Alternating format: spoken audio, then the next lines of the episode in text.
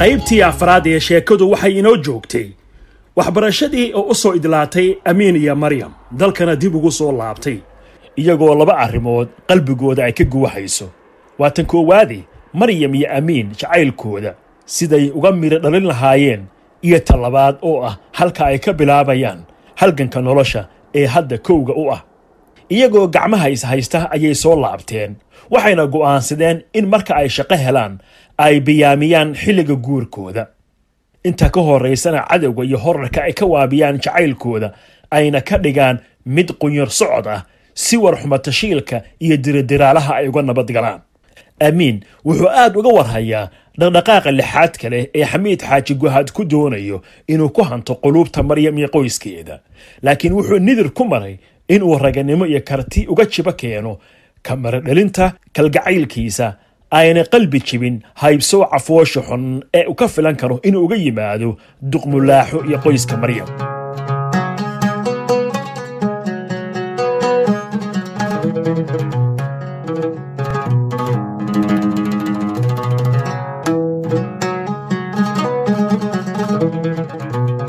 Amiin oo shaqo bilaabay toddobaad kama soo wareegeen markii wakaaladda xoogga korontada ummadda uu agaasimo ka noqday amiin isagoo kaalinta koowaad ka galay tartamayaal jagadaasi u tafaxaytay.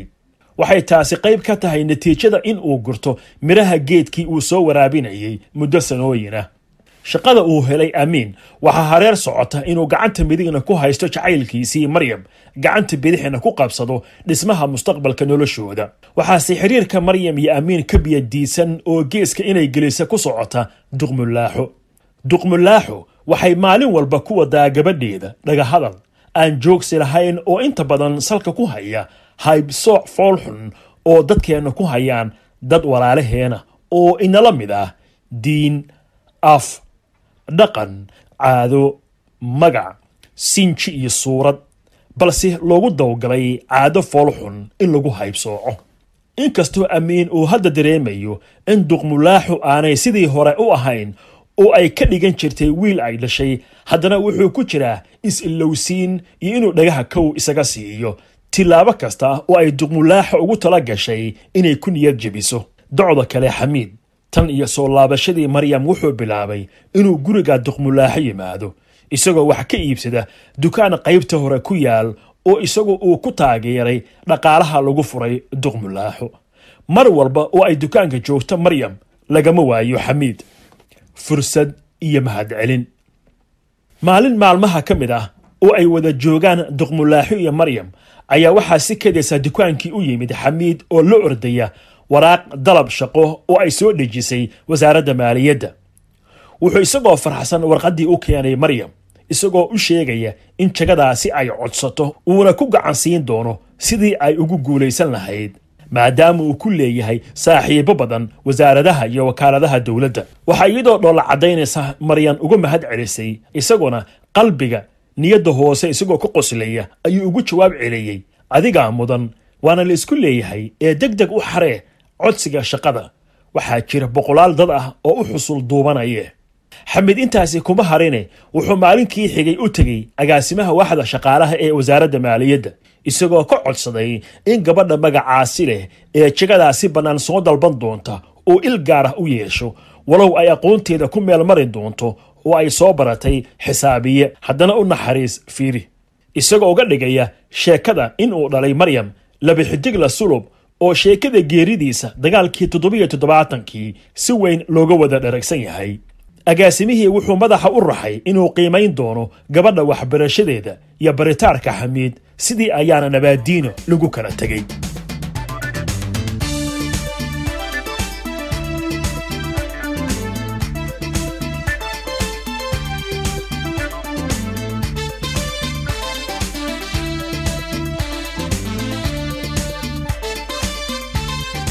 amiin wuxuu ku jiraa shaqadiisii bilowga ahayd. Maalin walbana wuxuu isha ku hayaa wargeysyada dalka ka soo baxa isagoo ka baaraya wax shaqooyin ah oo la naadinayo. Sidoo kale raadiyaha ayuu ka dhagaystaa ogeysiisyada shaqooyinka bannaan.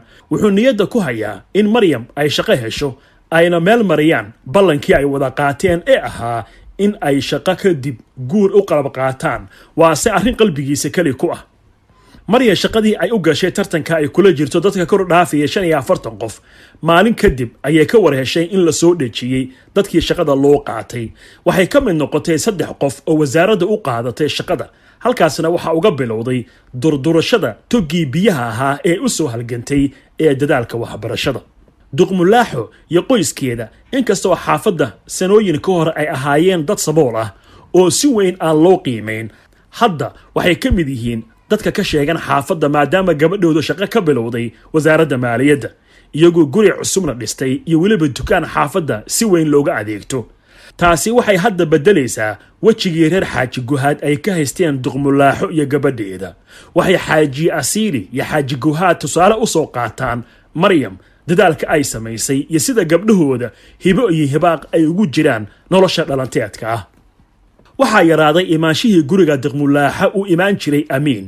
Taasi oo ay ugu wacan tahay wejibeddel uu ka dareemay duqmulaaxo waxaa kale horeer socda xamiid oo maryam inta ugu tegay wasaaraddii ay ka shaqaynaysay u soo bandhigay jacaylkii shan sano ka hor ay ku laaday iyo in weli sidiisii u koolkoolinayo iyadoo qoslaysa ayay hadda waxay leedahay oo ma waxaad ii sheegaysaa inaad intaasi isugaysay oo aadan gabar damaacin xamiid ayaa ugu warceliyey. Waan kuu sheegay inaad qalbigayga qaadatay. Markii aad baxaysay sidii ayaan kuu sugayaa ee fadlan iga aqbal jacaylka aan kuu soo bandhigay. Maryam abaalka ay u hayso xamiid awgii sidii hore diidmada qayaxan uguma jawaabi. Iyadoo doonaysa inay iska qanciso ayay ugu jawaabtay. Bal wakhti isii adigoo iga raalli ah waayo hadda waxaa qalbigii ku jirta arrin kale. Iyadoo weli hadalkii sii wada ayuu xamiid kula soo booday waan ogahay amiin ayaa qalbigaaga ku jira ee waxaan la yaabanahay sida aad midkaas nolosha ula qaybsan karto.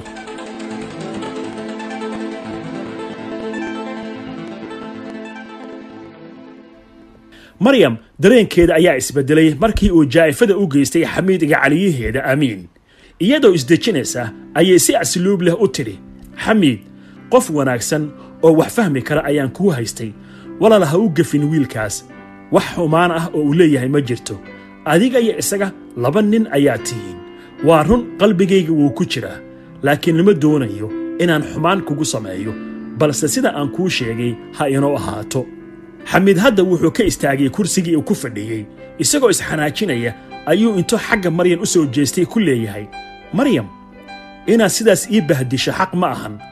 Fadlan war cad isii intaasi oosan ayaan ku sugayey miyaadan qalbi lahayn maryam oo aad isku xakamaynaysa ayaa iyadoo si deggan ula hadlaysa xamiid waxay ku leedahay. Xamiid ogow anigu shan sana kuma odhan isug wax ballanah kaama qaadin. Adigoo iga raalliya waynu isla joognaa ee mar kale ha inoo ahaato.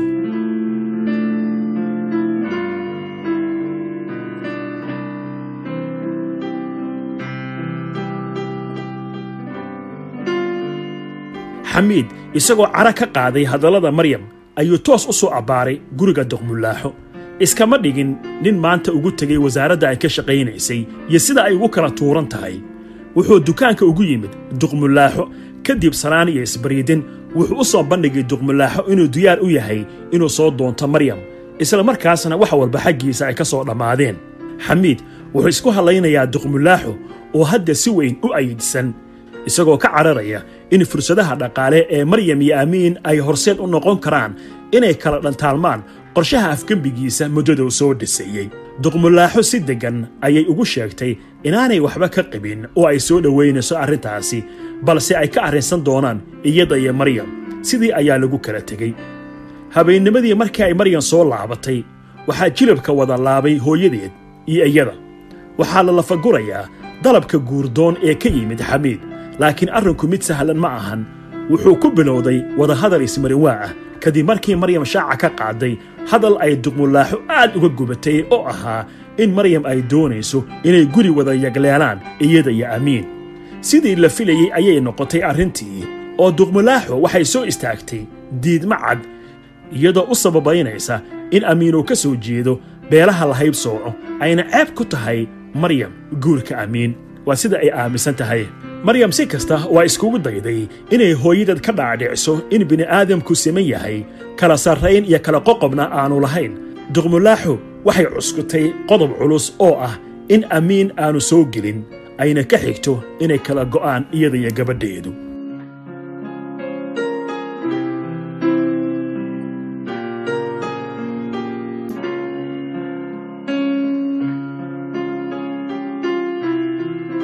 Maryam waa qof deggan oo jecel inay waalidkeed dhegaysato ayna xushmayso. Waxay igu laab qaboojisay hooyadeed in khayr arrintii ku dhammaan doonto. Waxaa sadiqmulaaxu ay u sheegtay maryam hadal kadis ahaan ay ugu wargelisay oo ah in reer xaaji guhaad khamiista soo socota ay ku soo maqan yihiin qoyskeeda ayna u soo gogol fadhiisan doonaan doonisteeda. Walow maryam arrintaasi ku tilmaamtay mid lagu degdegay. Haddana waxay niyadda gashatay in hooyadeed ku doonayso in iyada iyo amiin ay ku kala goyso sheekada. Amiin iyo maryam waxay hadda ka sheekaysanayaan arrimaha soo kordhay. Waxay maryam taagan tahay inaysanaba ku dooran doonin ruux kale. Ayna go'aan u tahay inay nolosha wadaagaan. Amiin si kasta oo ay ugu kacdo. Balse amiin wuxuu qalbiga u sheegayaa inay adag tahay inuu ka guul gaaro jacaylkii uu soo dhidbayey ayna adkaan doonto in uu la baratamo daruufaha ku gadaaman sida haybsooca hantida reer xaaji guhaad oo ay ku laran tahay awoodda wasiirnimo ee ay ku fadhiyaan iyo duqmulaaxo oo hadda dhabarka xaggiisa u jeedisay qalbigana u furtay xamiid taasi oo ku timid danaha dhaqaale iyo damaca bini'aadam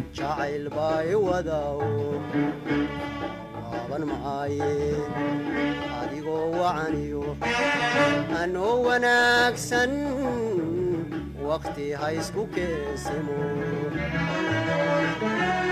xamiid qoobka kama qaado xafiiska ay ka shaqayso maryam wuxuu ku noqday qof ka shaqeeya oo kale sidoo kale guriga duqmulaaxo harya habeen lagama waayo waxaase weli uu ka sugayaa maryam go'aan iyo hadal uu ku qanco inkastoo ay isku dayday inay si sarbeeb ah wax ugu sheegto haddana waa uu ka biyadiidsan yahay dhaqdhaqaaqa iyo socodka xamiid ee guriga duqmulaaxo iyo damiciisa maryam waxaa warkii uu gaaray xaaji guhaad iyo xaaji yaasiiri